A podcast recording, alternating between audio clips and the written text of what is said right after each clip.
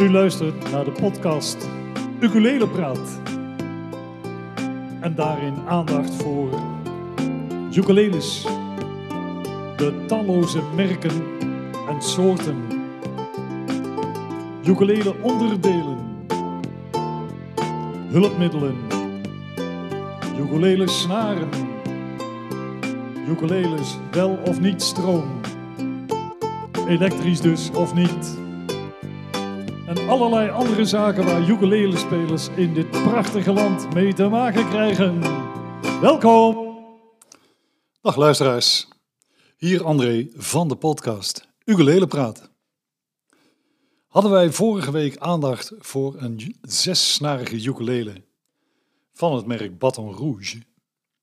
Vandaag hebben wij aandacht voor een ukulele van hetzelfde merk, Baton Rouge het, klinkt nogal, uh, ja, klinkt wel grappig hè, Baton Rouge. Uh, maar dit is uh, de V2B. Ja, had ook zomaar een vliegtuig kunnen zijn. De V2-B. maar het, het betreft hier een bariton. Een bariton ukulele die gemaakt is van een mahonie uh, gelamineerd, maar mahonie. De nek is gemaakt van NATO. De toets is uh, evenals de brug trouwens van uh, walnoot. En de topkam en de brugkam zijn gemaakt van nuboon. Die, ja, het kunststofmateriaal wat uh, ook voor een goede toongeleiding zorgt. Voorts is uh, de ukulele voorzien van uh, zogeheten open-geared tuners. En die zien er zo op het oog prima uit. Dat moet jaren mee kunnen. Zijn niet de beste natuurlijk. Want we spreken over een instrument wat nou, in, de, in populaire prijsklasse valt, zal ik maar zeggen. Dus, uh, maar het, het, het, eh, het, ziet er allemaal keurig uit. Trouwens, de hele afwerking van het instrument uh, staat op bijzonder hoog niveau. Dat moet gewoon gezegd worden. Achterkant is gewelfd. Ook extra werk natuurlijk. En, en, maar dat zorgt dan voor een betere projectie van de tonen. Het geluid als het ware. Dus uh, het is een, een, keurig gemaakt, goed verzorgd uh, instrument. Het, het, klankgat is ook hier voorzien van uh, zonnestralen, gelezerd. Heel lichtjes, het heeft het hout niet aanmerkelijk beschadigd of wat dan ook. Het zit er leuk op aangebracht. net voldoende om het ja, te laten opvallen. Mooi. Uh, instrument is ook voorzien van Aquila-snaren, Aquila nailguts. En ja, ik zal even laten horen. Een bariton, nou dat hoor je natuurlijk meteen, die is anders gestemd dan een gewone ukulele. Heb je een sopraan of een concert, dan wel een tenor, die zijn allemaal hetzelfde gestemd. G, C, E, A. Dus kun jij jouw spelletje spelen, jouw liedje spelen op een, uh, op een sopraan, dan kun je dat uh, ook op een tenor of op een concertmodel.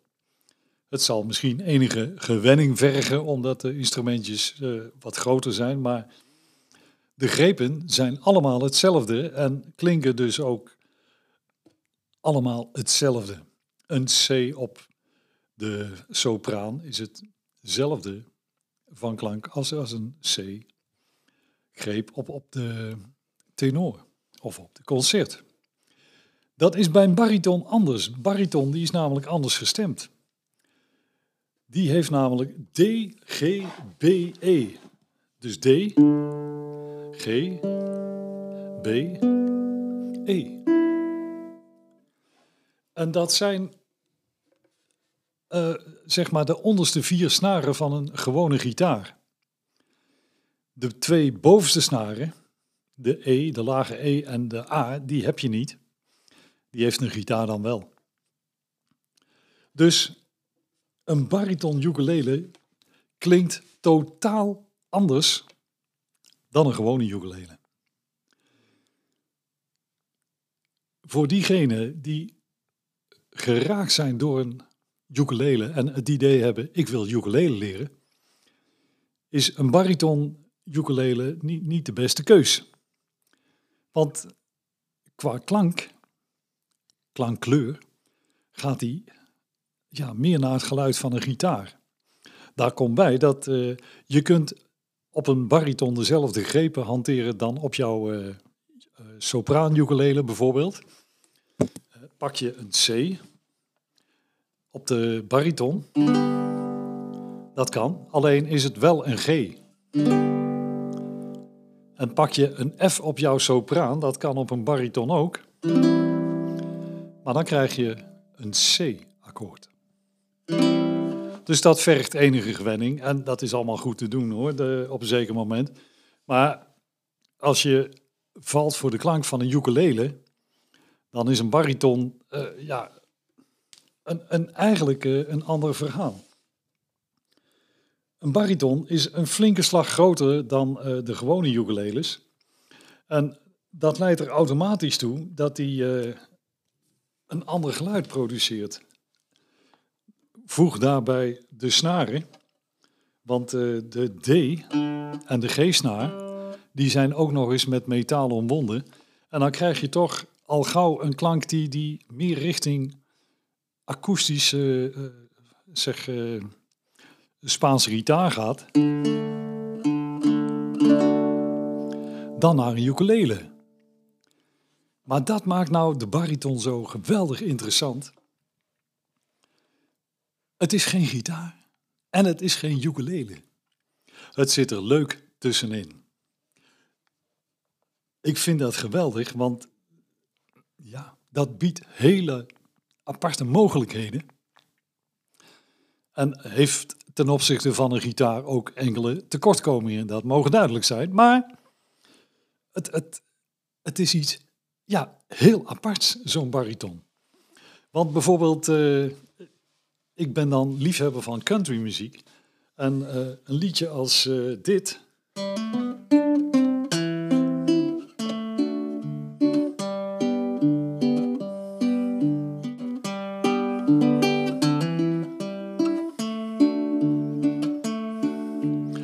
Basnootjes.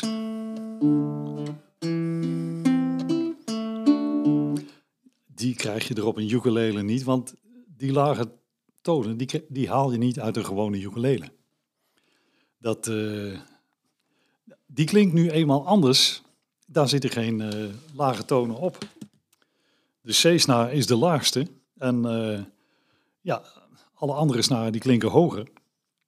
En, dus die baslijntjes, die kun je niet spelen. En wanneer je dus graag een country deuntje speelt, ja, dan moet je daar iets op gaan verzinnen, want, uh, en dat is goed te doen hoor. Maar met een bariton kan dat dus ineens wel. Het geeft een totaal andere klankkleur. En uh, wat dat betreft ga je met een bariton een beetje richting gitaar.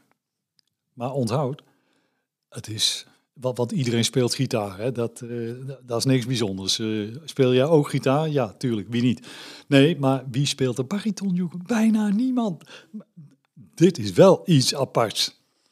En om daar de muziek op te maken waar je zin in hebt, dat is ja, toch, toch verdraaid leuk om het op een bariton te doen. Dat, is, uh, dat klinkt heel verrassend in plaats van dat je het op een gitaar zou doen bijvoorbeeld, vind ik. Het is dus niet een ukulele voor de beginners. Maar ben je eenmaal gegrepen door het ukulele-virus en heb je het idee van, ja, ik, ik zou eigenlijk wel graag ook een beetje hè, met, met, met wat baslijnen willen gaan spelen en zo. Nou, dan kun je eens overwegen of een bariton niet een leuke toevoeging is. Het is heel anders spelen, hè? dat mogen duidelijk zijn. Want eh, je kunt, zoals ik zei, dezelfde greepjes. Maar ze klinken dan net even anders. Hè? Dus jouw C is hier een G. Dit is een C.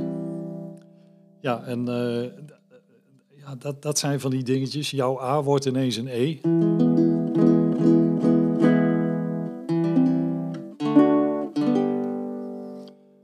Dus dat is allemaal wel te doen. Maar het wordt pas echt leuk wanneer je barré-greepjes gaat toepassen.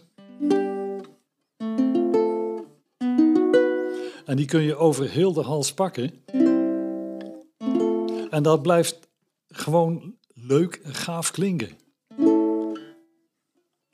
Als je rond de, de tiende, twaalfde fret op een uh, sopraan ukulele gaat pakken, dan wordt het uh, ja, vaak wat krap. En zo, zo, klinkt het dan ook vaak. En ja, met een bariton krijg je.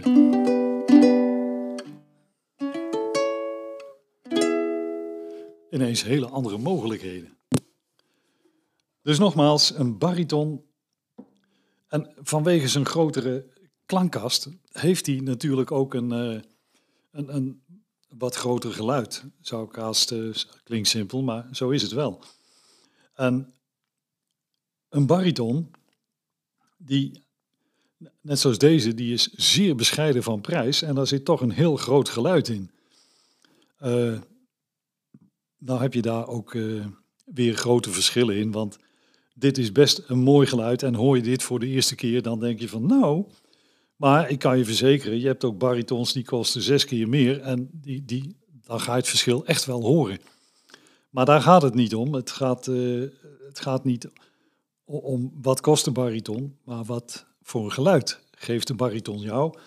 En dan heb je met deze Baton Rouge een, een prachtig mooie starter uh, in de baritonreeks, die, die prima keurig, mooi, goed klinkt. Kun je zelfs opnames meemaken. Perfect instrumentje wat dat aan gaat. En ik kom in een latere uitzending nog eens terug op de verschillen. Banje, uh, bariton en, en uh, de overige drie ukuleles. En dan kan ik dat ook even laten horen. Je hebt uh, bijvoorbeeld ook mensen die, die willen hun ukulele toch graag een beetje als een gitaar laten klinken. En die kiezen er dan voor om een lage G erop te zetten. En uh, daar wil ik eigenlijk uh, in, in, de volgende uitzending op, op terugkomen. Een gewone ukulele, een ukulele met een lage G en de bariton ukulele. Maar nogmaals, dit zijn allemaal mogelijkheden voor, voor de speler die al langer speelt. Het is uh, geen materie voor de beginner. Laat dat even duidelijk zijn. En uh, wat dat betreft gaat het uh, tot hier over de bariton en gaan wij tijd maken voor de tip van Taco.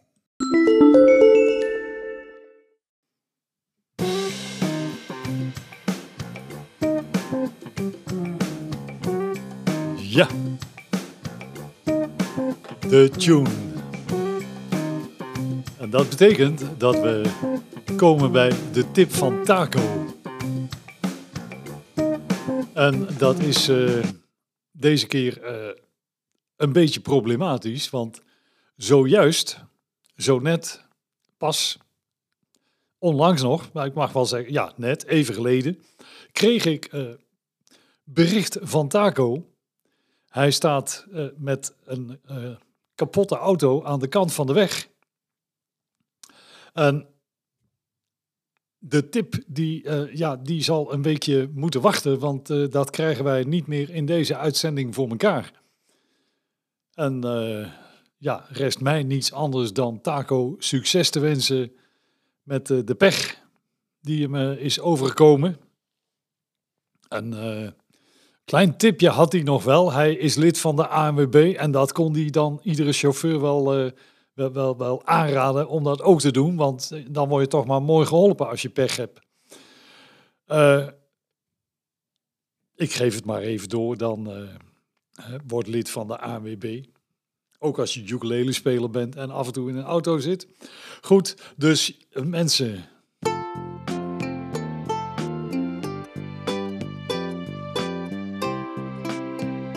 Dat was slechts een algemene tip van Taco. Geen ukulele tip, maar die houden jullie te goed. Die komt er de volgende keer aan.